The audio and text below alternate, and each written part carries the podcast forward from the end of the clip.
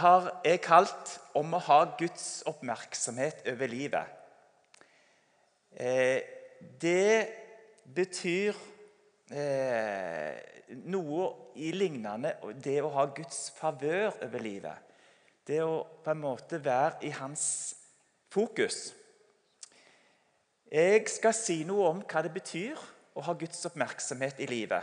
Hva det betyr for meg, og hva jeg tror det kan bety for, for deg. Noe knytta til hvordan jeg har opplevd det personlig. Målet mitt er at du skal få et enda mer tørst og lengsel etter å få en dypere relasjon til Gud som far.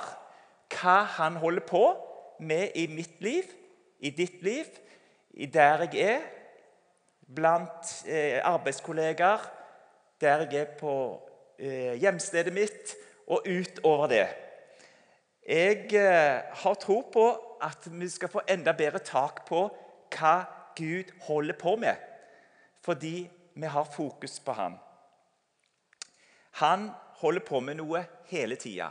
Men det første jeg ber deg om, det er at du bare lender deg tilbake i stolen. De er så gode, disse stolene her.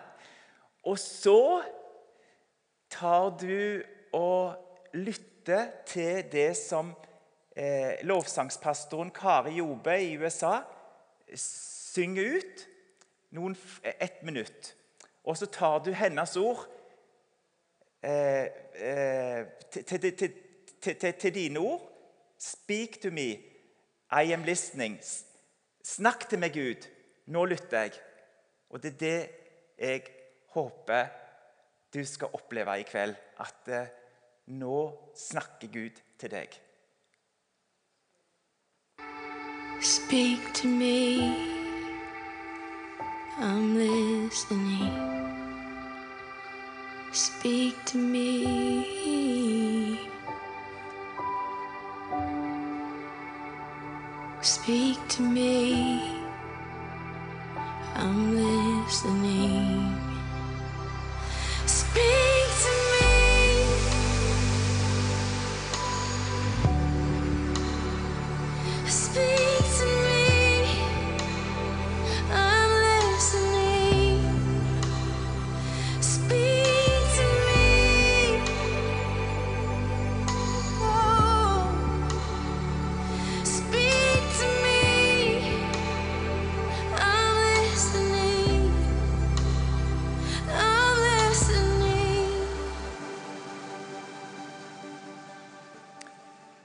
Far, snakk til meg. Jeg lytter.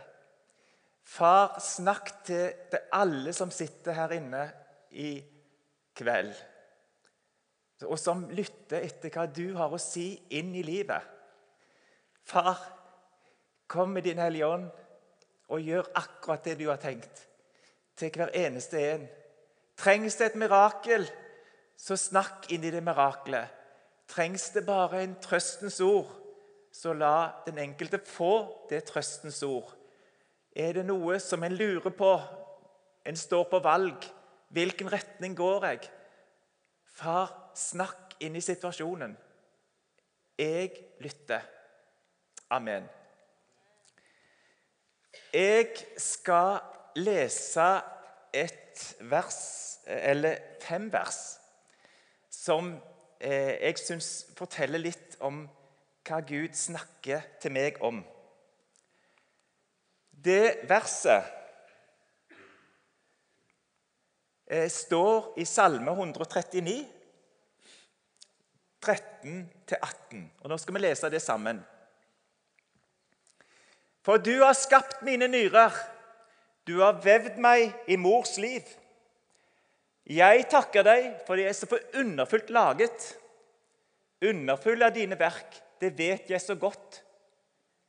Og Nå snakker vi om hver eneste en av oss. Knoklene mine var ikke skjult for deg. De er belaget på hemmelig vis og vevd dypt i jorden, dypt i mors liv. Dine øyne så meg da jeg var et foster. Alle dager skal vi komme tilbake til. Alle dager er skrevet opp i din bok Hver eneste dag vi har levd, har Gud skrevet opp i sin bok. Tenk på det. De fikk form før en av dem var kommet. Dine tanker, sier salmisten. Han er så overvelda av dette her som han nå oppdager. Dine tanker, Gud, er dyrebare for meg. Summen av dem er ufattelig. Teller jeg dem, er de talløse. Som sand blir jeg ferdig, er jeg enda hos deg. Det er slik at jeg er veldig glad i eh, en engelsk oversettelse. Nå snakker ikke jeg gresk, og derfor så forholder jeg meg til engelsk. Og jeg har en veldig fin oversettelse som jeg er veldig glad i, som heter The Message Bible. Eh, og den pleier jeg å lese hver eneste dag. Eh, ett kapittel på norsk og ett kapittel på engelsk, eller flere. Eh, Men i alle fall er det slik at eh, denne teksten liker jeg også å lese på engelsk. Og det skal vi gjøre sammen her nå. Eh, oh yes, you shaped me first inside, then out. You formed me in my mother's womb. Gud skapte meg fra innsida av og ut. I thank you, high God. You are breathtaking. Du tar pusten fra meg. Og det er egentlig noen, noen ganger Jeg har vært forsker i mange mange år, og det er sånn at jeg blir, sånn, jeg blir sånn helt sånn grepet av det jeg på en måte finner ut, også forskningsmessig. Det tar pusten fra meg når jeg begynner å skjønne hvordan Gud er. Body and soul, I am marvelously made. I worship in adoration. What a creation! You know me inside and out. Mens vi ser hverandre fra utsida av og innover, og etter hvert kan bli kjent med innsida, så vet Gud hvordan alt er fra starten av, helt fra det innerste. You know me inside and out. You know every bone in my body. You know exactly how I was made. Bit by bit, how I was sculptured from nothing to something. Like an open book, you watch me grow from conception to birth. Lik en åpen bok så skapte du meg fra du på en måte tenkte det ut, til fødselen. The days of my life all prepared before I'd even lived one day. Alle dagene har du på en måte preparert før jeg har levd det eneste av dem. Your thoughts, dine tanker, Gud. How rare, how beautiful. Hvor merkelige, hvor fantastiske de er. hvor nydelige de er. God, I'll never comprehend them. Gud, jeg kan ikke forstå de fullt ut. I couldn't even begin to count them. Jeg kan ikke begynne å telle dem. Anymore than I could count the sand of a sea. På noen måte som jeg forstår hvordan jeg skal telle sandkorna på stranda. Oh, let me rise in the morning and live always with you. Dette bildet, dette vakre bildet her, det er tatt eh, av eh, mobilen min en kveldsstund litt tidligere i sommer fra huset vårt på Røyneberg. Det forteller litt om hvordan Gud eh, gjør i det ytre. Han skaper ting vakkert. Og du er vakker, og jeg er vakker. Vi er lagt bete for bete. Vi er lagt fra innsida av og ut. Og det er noe av det som er, eh, jeg, jeg, jeg fascineres av gang på gang. Med disse ordene i bakhodet så vil jeg starte med en litt personlig historie. Jeg har en søster som er seks år eldre enn meg. Når hun var to og et halvt år, så fikk hun en bror som ble kalt Torgeir etter min bestefar, som heter Torgeir. Og Min mor fortalte gang på gang i oppveksten det var noe spesielt med denne Torgeir. Det lå liksom noe, eh, en glans over han. Når han var sju måneder, så døde han plutselig. Da var mor allerede gravid med gutt nummer to. Og Han ble født et halvt år seinere, og han ble også kalt Torgeir. Eh, denne neste gutten han ble fire måneder, så døde han. Gravsteinene for mine to brødre de står fortsatt på kirkegården i Sauda, der jeg kommer fra.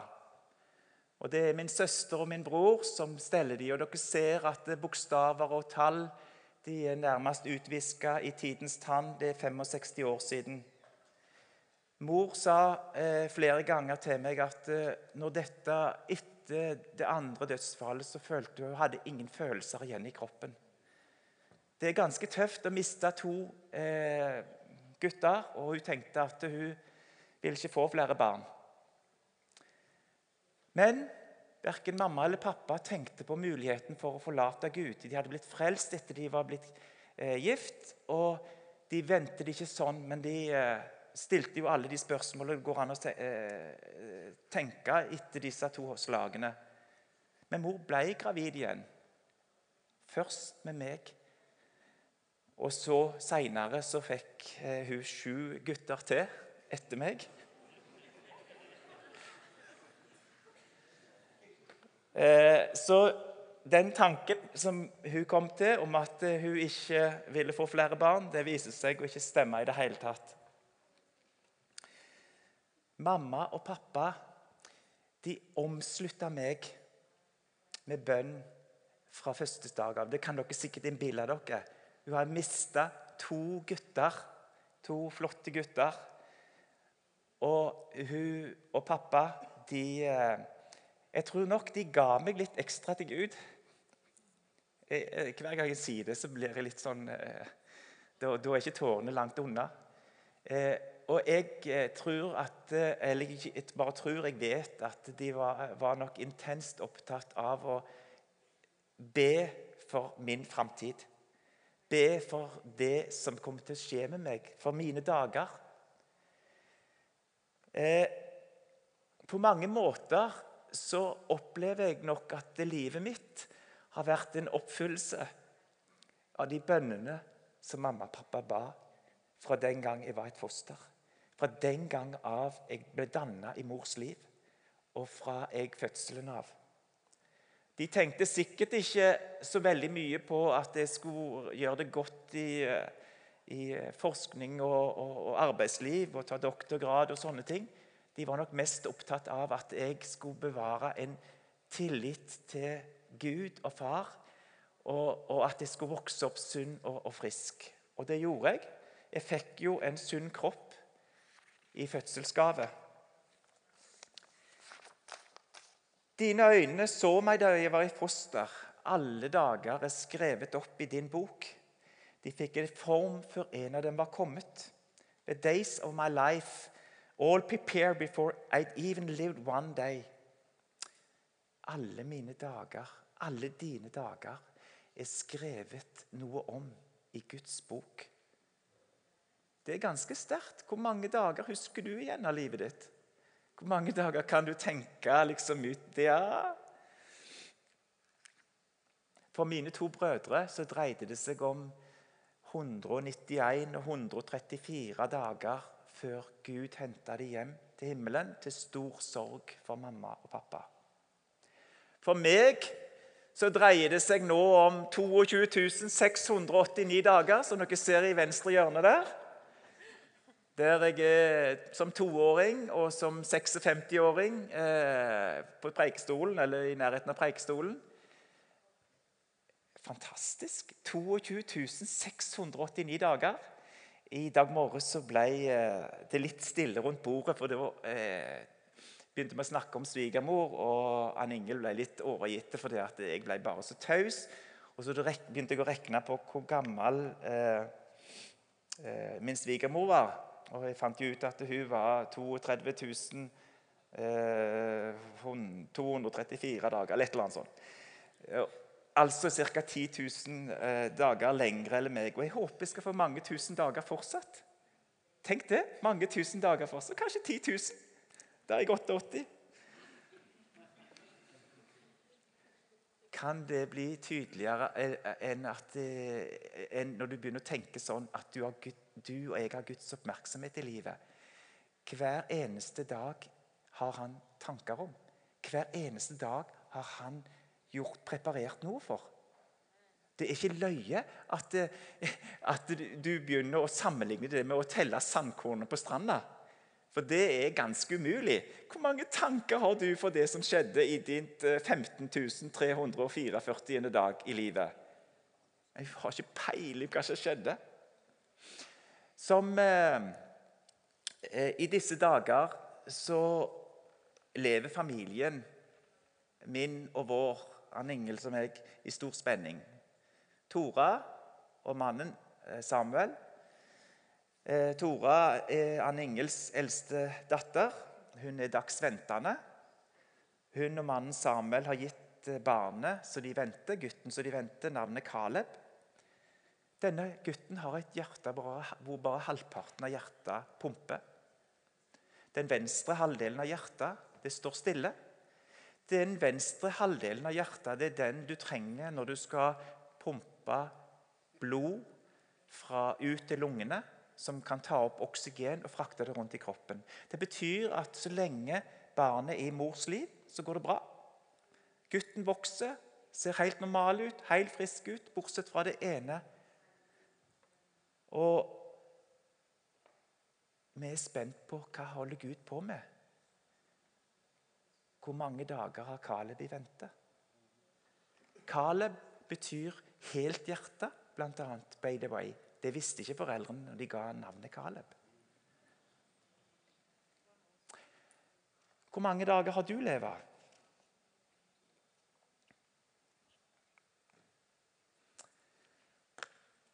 Her er det en mulighet til å ta en rask kalkulasjon. Hvis du har et hjerne som meg, så tenker du at eh, ok, her er det, det er 365 dager i året.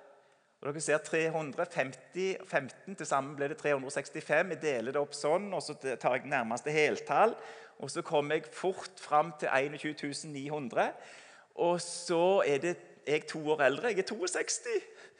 Og Da får jeg 730 til. Og så er det noen skuddår. 16 stykker i de eh, 62 året. Og så er det gått 43 dager fra jeg fylte året. Og da kom jeg til 22.689. Og dere ser jeg har ramma det inn i et hjerte. Fordi jeg har Guds, hatt Guds oppmerksomhet, hans fars hjertes oppmerksomhet, i alle dagene. Hva skaper du, Gud? Hva holder du på med? Du og jeg har Guds oppmerksomhet hver eneste dag. Speak to me. I am listening. Snakk til meg, Gud. Jeg lytter. Det er dager med glede. Det er dager med sorg. Det kan være intens sorg. Du kan kjenne på dine egne. Det er dager med smerte. Det er dager med feiring. Det er dager med jubel, det er dager med seire, det er dager med nederlag. Det er dager der du møter nye mennesker. Det er spennende. Noen ganger husker du det ekstra. Jeg husker første dagen jeg møtte Ann Ingel. Det var første dagen i Godhetsuka i 2008. Den, det er sånne dager du samler ekstra på. Men Gud samler hver eneste dag. Han har en, han har, tenk, hvis det han lager ei side for hver eneste dag. Da er det altså for meg 22 689 sider. Det ble en ganske tjukk bok. Gud har deg og meg i sinne. Han har, eh, han har deg og meg eh, i fokus hver eneste dag. Og jeg vil ha hans fokus. Jeg vil være i hans fokus. Enten jeg gråter Stort sett så gråter jeg av glede, men det har hendt jeg har grått av fortvilelse. Dager i fortvilelse. Sinne, bitterhet, jubel, undring. Vi har det alt sammen. Hele relieffet. Jeg vet noe om hva Gud holder på med. Jeg vet noe om hva han skaper. Og Nå kommer jeg til noe som jeg er veldig spent på. Eh, eh, og, og, Før jeg viser det, så skal jeg vise bare, så skal jeg bare lese igjen det som står i vers 14 og 15 i 139. Og dette trenger vi å huske. I worship in adoration. Jeg tilber i ære. What a creation. Gud skaper ting. Det er hans Det, det er en del av hans egenskaper. Han elsker å lage ting. You know me inside and out. You know every bone in my body. You know exactly how I was made, bit by bit. How I was sculptured from nothing to something. Er det ikke nydelig sagt? Hvordan det ble skulpturert, designa fra ingenting til noen ting. Og egentlig masse ting. Like an open book, you watch me grow from conception to birth.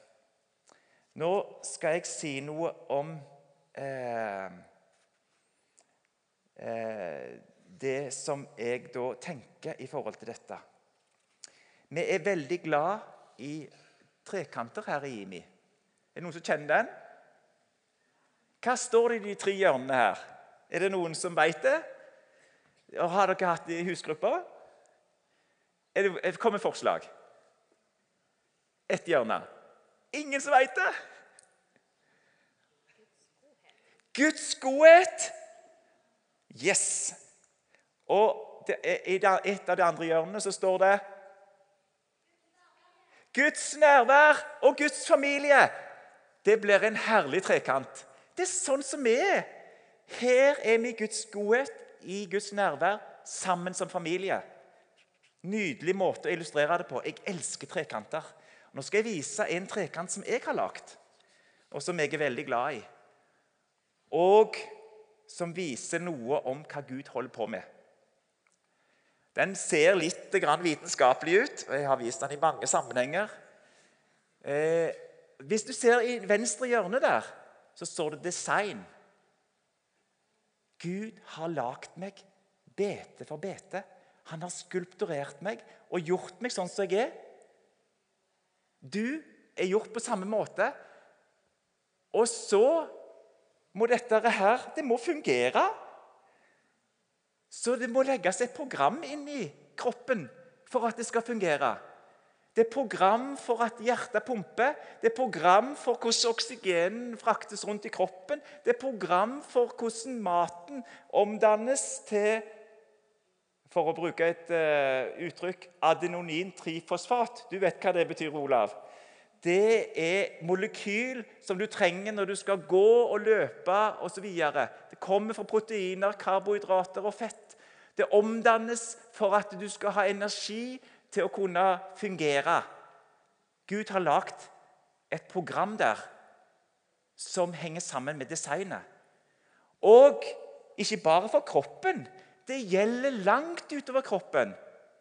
Vi kan snakke om eh, sykdommer og vi kan snakke om andre ting der Gud har lagd ting. Men eh, dere er også et system i likevekt her. Det henger sammen med programmet og designet. Det må være et likevektssystem. Hva skjer når vi blir syke? Kroppen starter å produsere hvite blodlegemer for å ta knekken på dette, disse tingene, disse bakteriene som ikke skal være der. Og Noen ganger må en gi dem hjelp, men stort sett klarer kroppen seg sjøl. Når vi løper som galne, så danner det seg det vi kaller for melkesyre i låra, og så stopper det opp. Og Da må kroppen ta seg igjen og, og, og bryte ned melkesyra, sånn at det blir bare vann og CO2 som vi puster ut. Vann og CO2 byggesteinene i, i, i, på hele kloden. Og lenger utover det, når dere ser utover havsjord. Mange av dere gjør helt sikkert det på våren. Hva skjer? Det blir irrgrønt. Hvorfor gjør det det? Og det gjør det hver eneste vår. Litt forskjellig, litt avhengig av temperatur. Det blir irrgrønt pga. alger.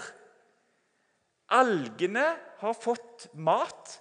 De har fått mat fra bøndene som hever ut gjødsel på jordene rundt Hafrsfjord. Og det kom litt for mange næringssalter som har da rundet ned til, til, til, til, havet der. Og så får disse næringssaltene sammen med CO2-en i vannet det blir brukt av algene til å skape disse, eh, denne grønnfargen som er kommet av at de har gjerne ei kalkskjell som gjør at det, at det ser grønt ut. Og Dette her de, så er Dette er planteplankton som ble spist av dyreplankton, som ble spist av larver, som ble spist av yngel, som ble spist av fisk, som ble spist av krabber på bunnen. Dette skjer hvert eneste år. Det er system i likevekt. Det er et system som henger sammen, slik det gjør i kroppen vår. Dette er hvordan, hva Gud holder på med. Han skaper, han designer, han programmerer, og han setter ting i sammenheng. Han setter ting i likevekt. Det er en franskmann her som har fått navnet etter dette prinsippet. Le Chatelier heter han. Og jeg er veldig glad i akkurat det systemet der. Jeg skulle brukt mye mer tid på dette, her, for dette er et stoff som jeg er veldig glad i og, og som jeg er fascinert av. Det er så, for det går inn i så mange plan. Men det er noe av det Gud holder på med. Hva holder han på med i mitt liv? Hva holder han på med i ditt liv? Hva er det han designer? Hva er det han programmerer? Hva er det han nå tenker at Er det dette her, Trygve, dette vil jeg at du skal få tak i.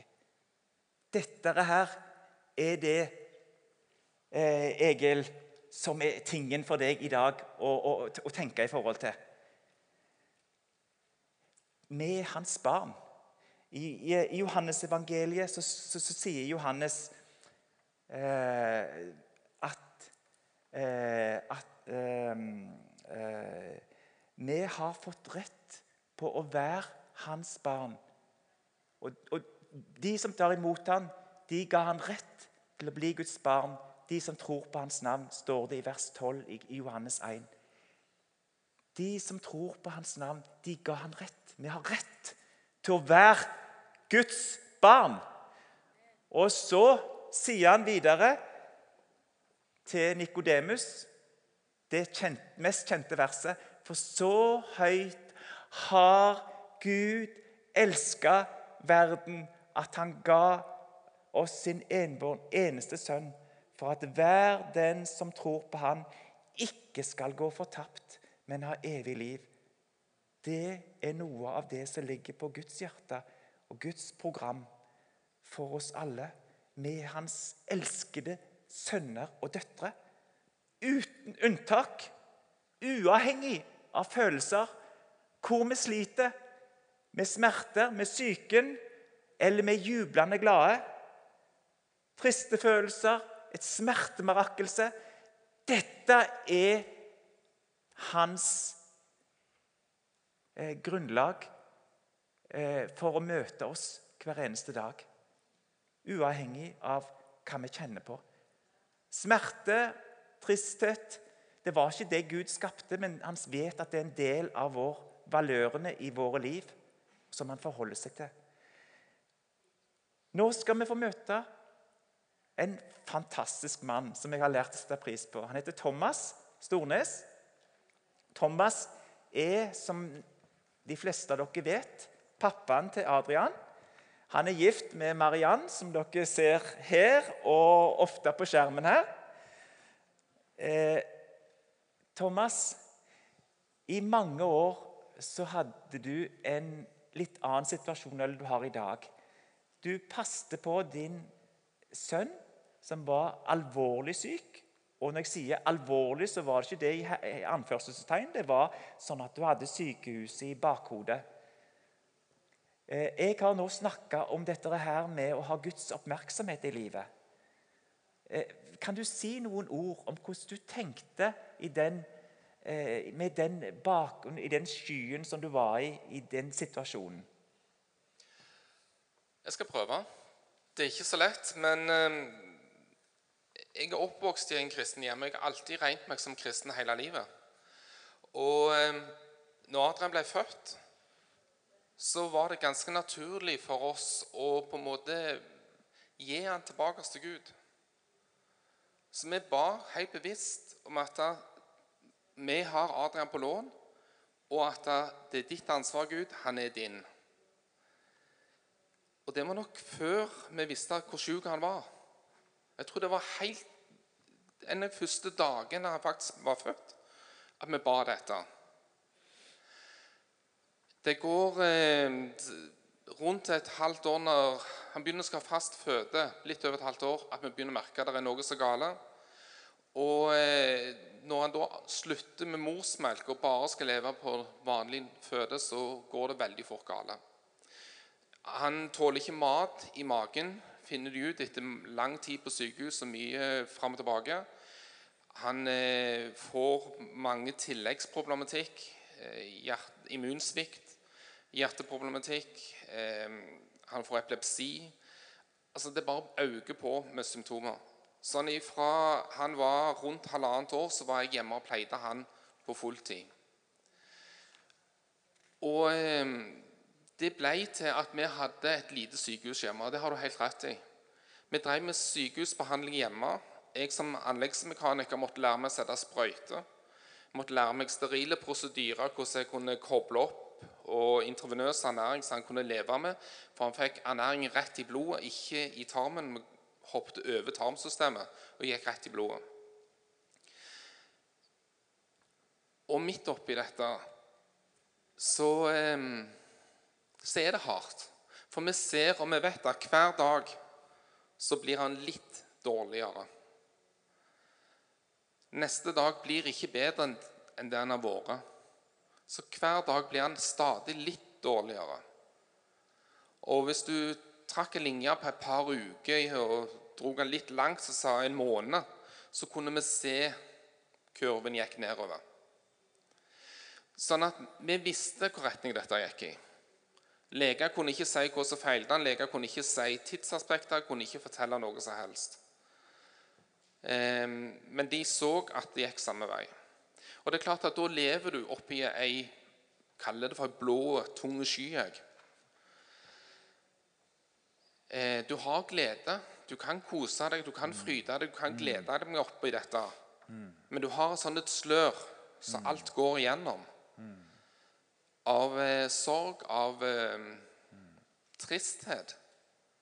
På at du vet at vi kommer mest sannsynlig til å miste den før eller senere.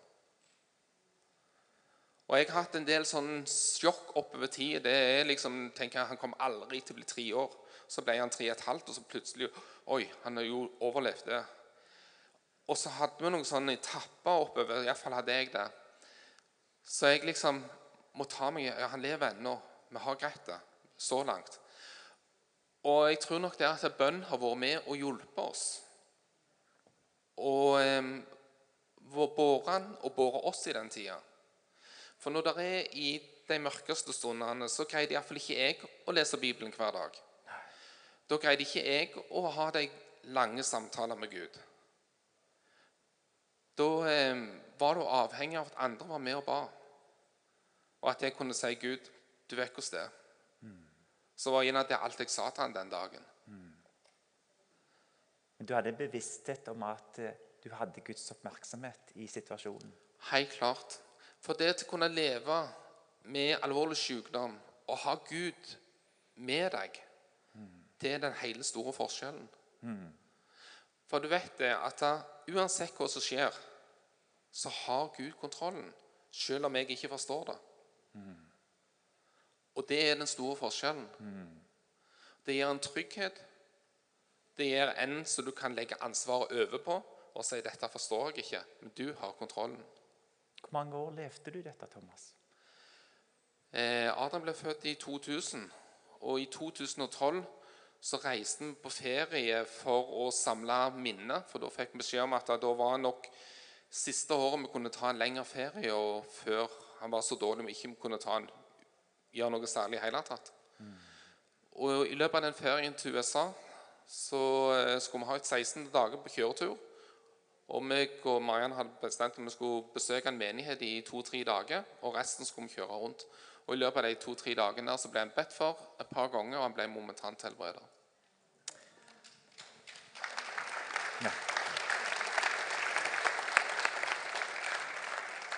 Tusen takk, Thomas. Over 4000 dager eh, så har Thomas og Mariann levd i denne situasjonen med det bakteppet.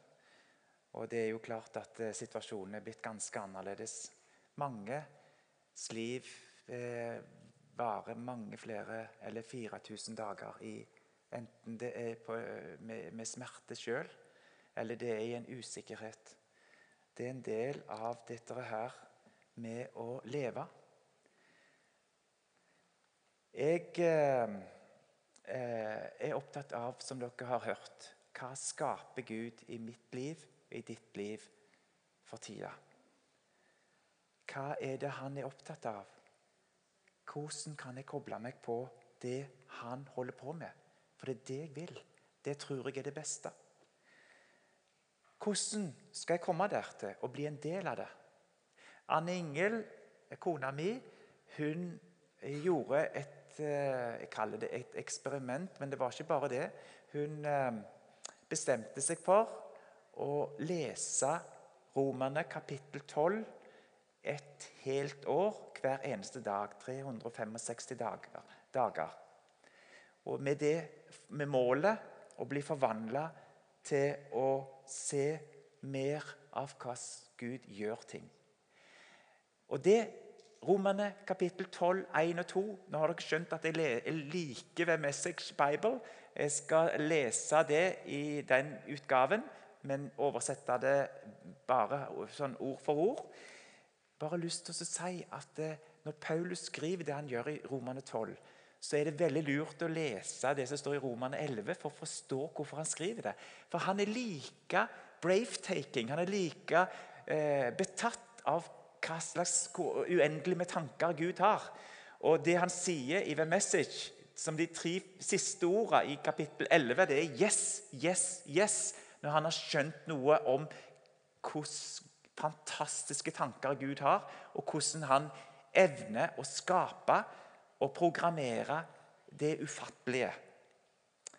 Vi leser Skal vi se Nå har jeg flytta tilbake, og det Forhåpentligvis så kommer det sånn, ja. So here's what I want you to do. God helping you. Så her er det jeg ønsker du skal gjøre. Gud hjelper deg. Take your everyday, ordinary life, your sleeping, eating, going to work and walking around life, and place it before God as an offering. Ta din hverdag, ditt liv. Når du sover, du spiser, du går eh, på jobb, du eh, har eh, aktiviteter. Herregud, sånn er det. Place it before you as an offering. Gud er interessert i det. Han er interessert i detaljene. Detaljene, Gud. Jeg hadde lyst til å komme med en liten sånn avsporing der på detaljene, men jeg skal ikke gjøre det. And place it before God's offering. Embracing what God does for you is the best thing you can do for Him. Omfavn hva, what God does for you, hva Gud gjør for deg, som det som er det beste du kan gjøre for Han.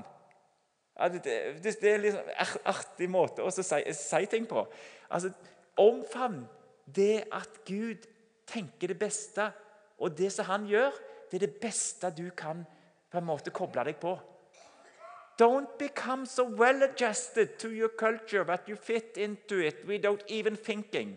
Jeg elsker å si 'tenk sjøl'.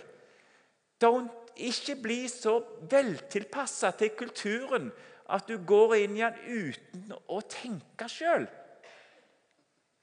Ut og tenke sjøl! Instead, fix your attention on God. You will be changed from inside and out. Istedenfor, fest din oppmerksomhet mot Gud og det han sier da. Du vil bli forandra fra innsida av og ut. For det er sånn Gud er. Når du fester oppmerksomheten på han, så skjer det noe med din måte å tenke på som gjør at du får grep om hvordan Gud gjør ting. Og han, han ser det fra innsida av og ut. Really recognize what he wants from you and quickly respond to it. Prøv å se hva han ønsker for deg, og responder på det. Unlike the culture around you, always dragging you down to its level of immaturity, ulik den kulturen som er rundt deg, som prøver å dra deg ned til et nivå av umodenhet. God brings the best out of you. Develop well-formed maturity in you. Gud vil bringe det beste ut av deg. Han har skapt deg. Han har skapt meg. Han vil bringe det beste ut av, ut av meg og deg og utvikle en modenhet. Jeg er 62 år. Jeg har nok nådd eh, eh, middagshøyden for lenge siden når det gjelder fysisk eh, på en måte prestasjoner. Det skjønner dere. Men det betyr ikke at jeg er kommet til endemålet i forhold til, ånden, til, til, til sinnet mitt. Og for ikke å snakke om ånden min. Jeg har en sånn tørst på å finne ut hva holder du på med, Gud. Hva, hvordan kan jeg koble meg på det? Og jeg tror at den, den iveren, den faller i smak hos Gud. Jeg vil finne ut hva Gud gjør, uavhengig om om jeg ikke får det til. Jeg vil feste min oppmerksomhet på Han.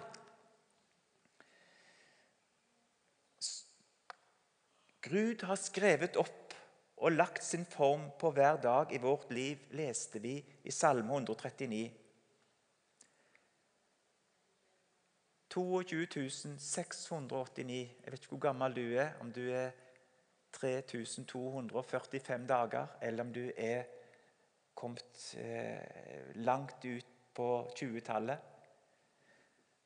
Gud har noe som han ønsker at du skal koble deg på. Og han elsker at du gjør det. Det er det beste du kan gjøre. omfavne at han faktisk vil det beste i livet. Uavhengig av følelsene. Uavhengig av hva jeg måtte tenke. Strekk deg mot det. Jeg ønsker å strekke meg mot det. Og her har jeg da et eh, ved, skal vi se, nå bladde jeg tilbake igjen. Et bilde som, som på en måte bare illustrerer dette. Lær oss å telle våre dager, så vi kan få visdom i hjertet. Jeg har telt opp, men jeg vet jo veldig lite om alle disse 22 689 dagene som Gud har full oversikt over. Og han har full oversikt over de som kommer også.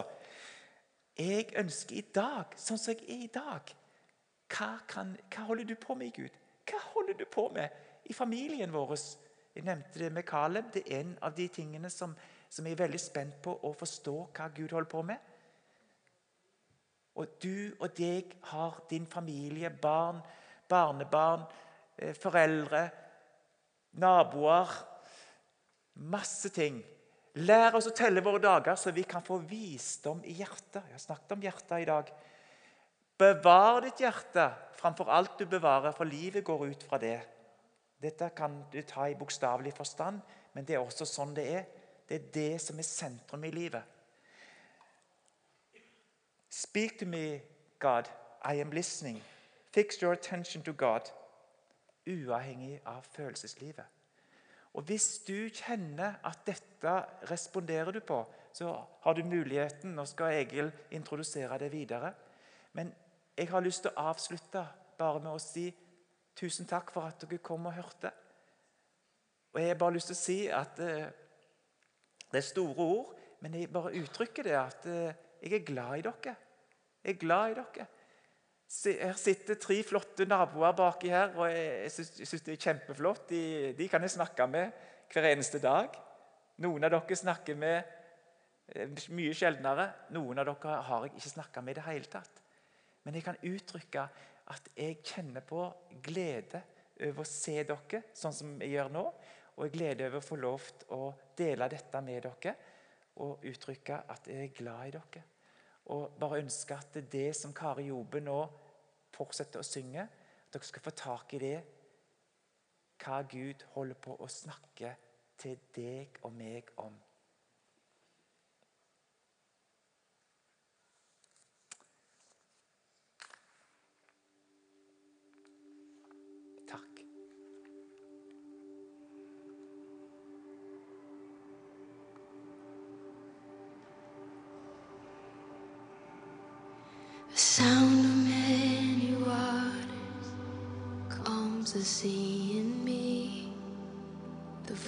That ends the silence meets me in